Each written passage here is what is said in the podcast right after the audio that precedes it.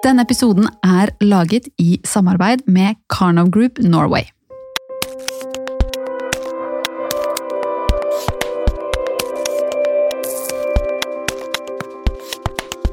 I forrige episode av Jusboden så eh, tok et tilbakeblikk og så på de viktige jussakene fra 2020. Men hvis vi nå skal skue fremover til 2021, hva blir de ja, viktigste sakene i året som kommer?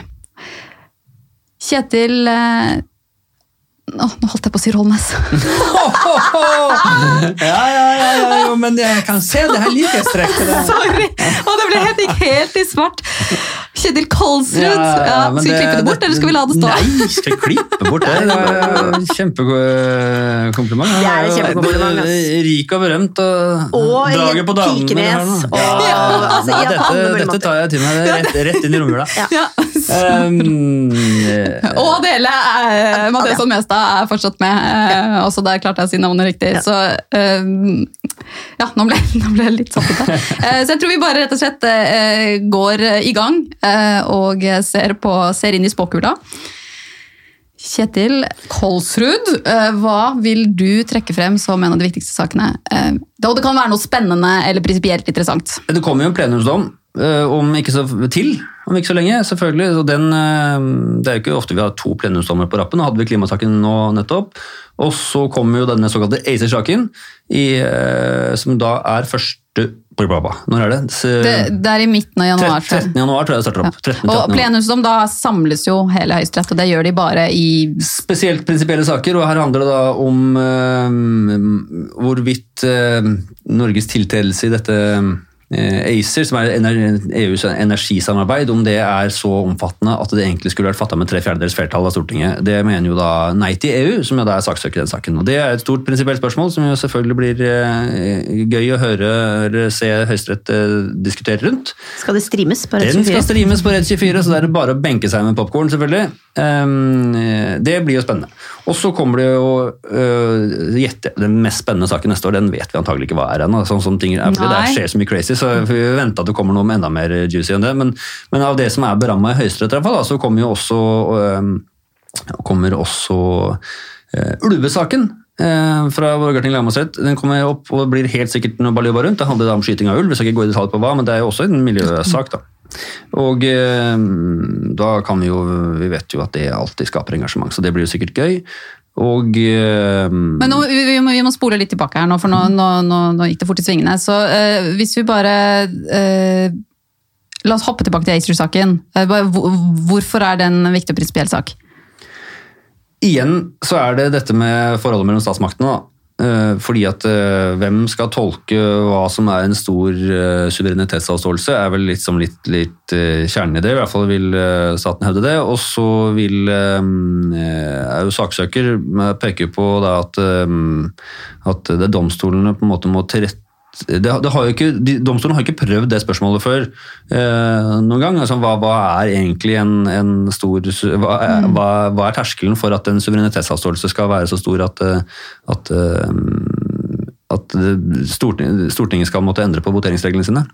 Ja, for det er det om det er altså, uh, simpelt flertall eller kvalifisert flertall, som vil si tre fjerdedels flertall. Og da får man ikke nødvendigvis Poenget er at i det øyeblikket, øyeblikket man man krever tre fjerdedels flertall, så kan jo EU-motstanderne på Stortinget stoppe det.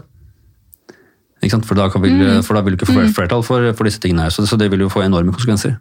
Det vil også kunne få konsekvenser tilbake, bakover med tilbakevirkende kraft. Fordi at eh, Dersom Høyesterett skulle komme til at denne type suverenitetsavståelse var grunnlovsstridig, så vil jo det plutselig kanskje kunne være mange grunnlovsstridige ting som eh, Stortinget har vedtatt med alminnelig flertall um, i EU-samarbeidet. Så det vil jo få det, det blir kluss.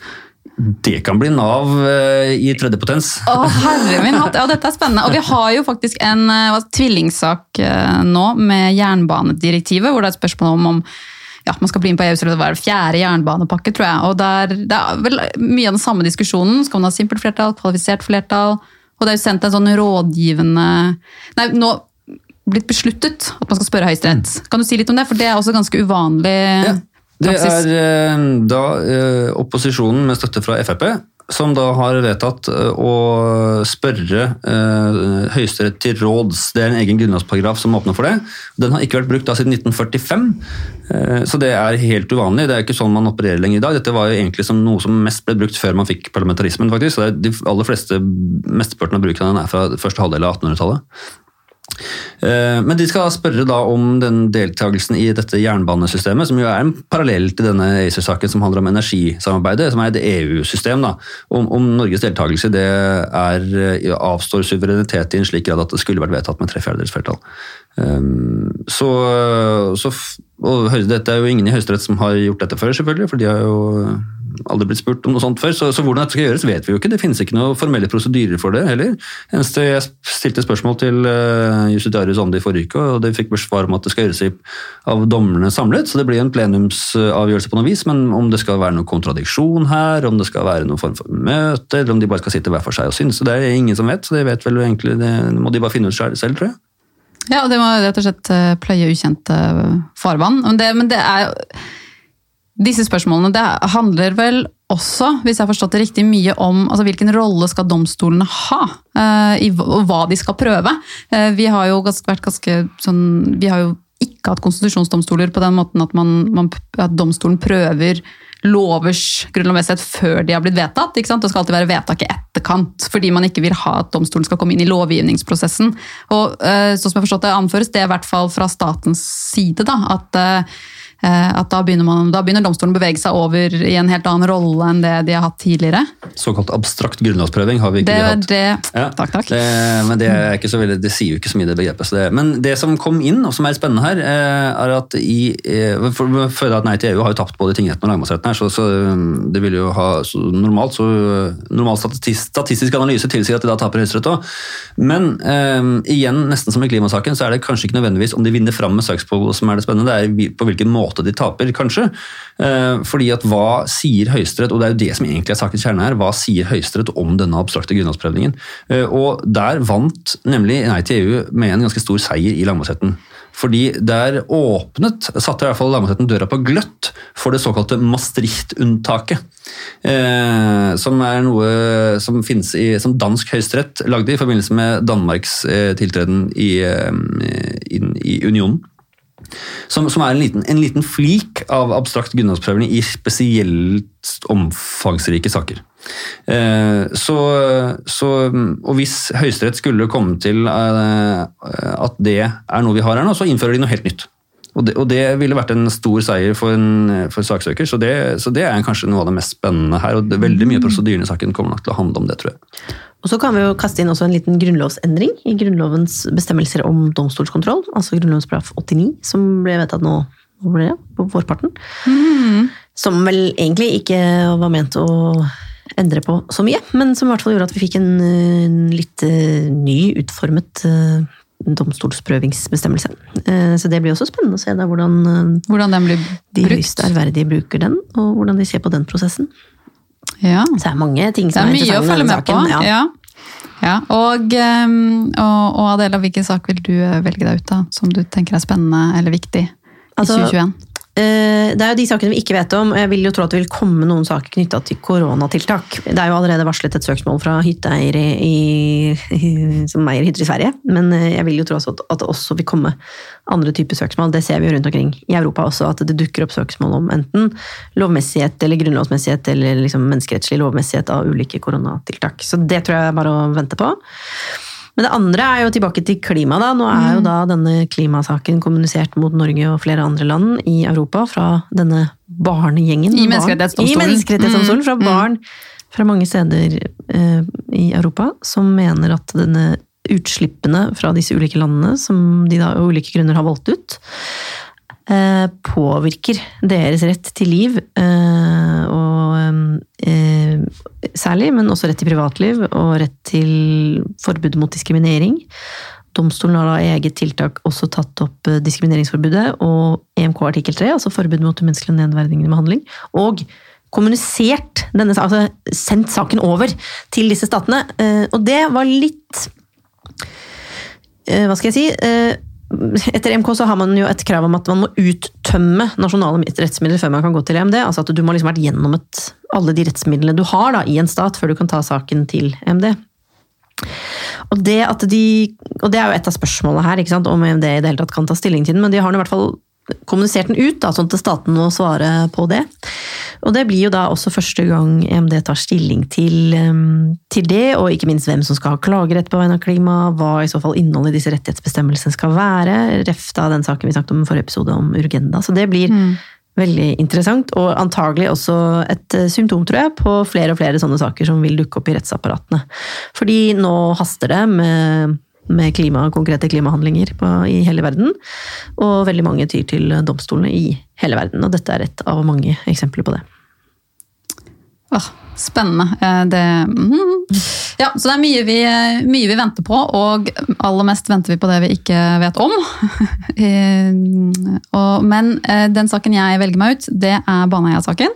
Eh, den, den saken den ja, Det er jo en forferdelig sak. Det var jo to unge jenter som ble, ble drept, og to uh, menn som ble dømt for den saken. Uh, det var fellende bevis for den ene uh, fyren, men ikke for han andre.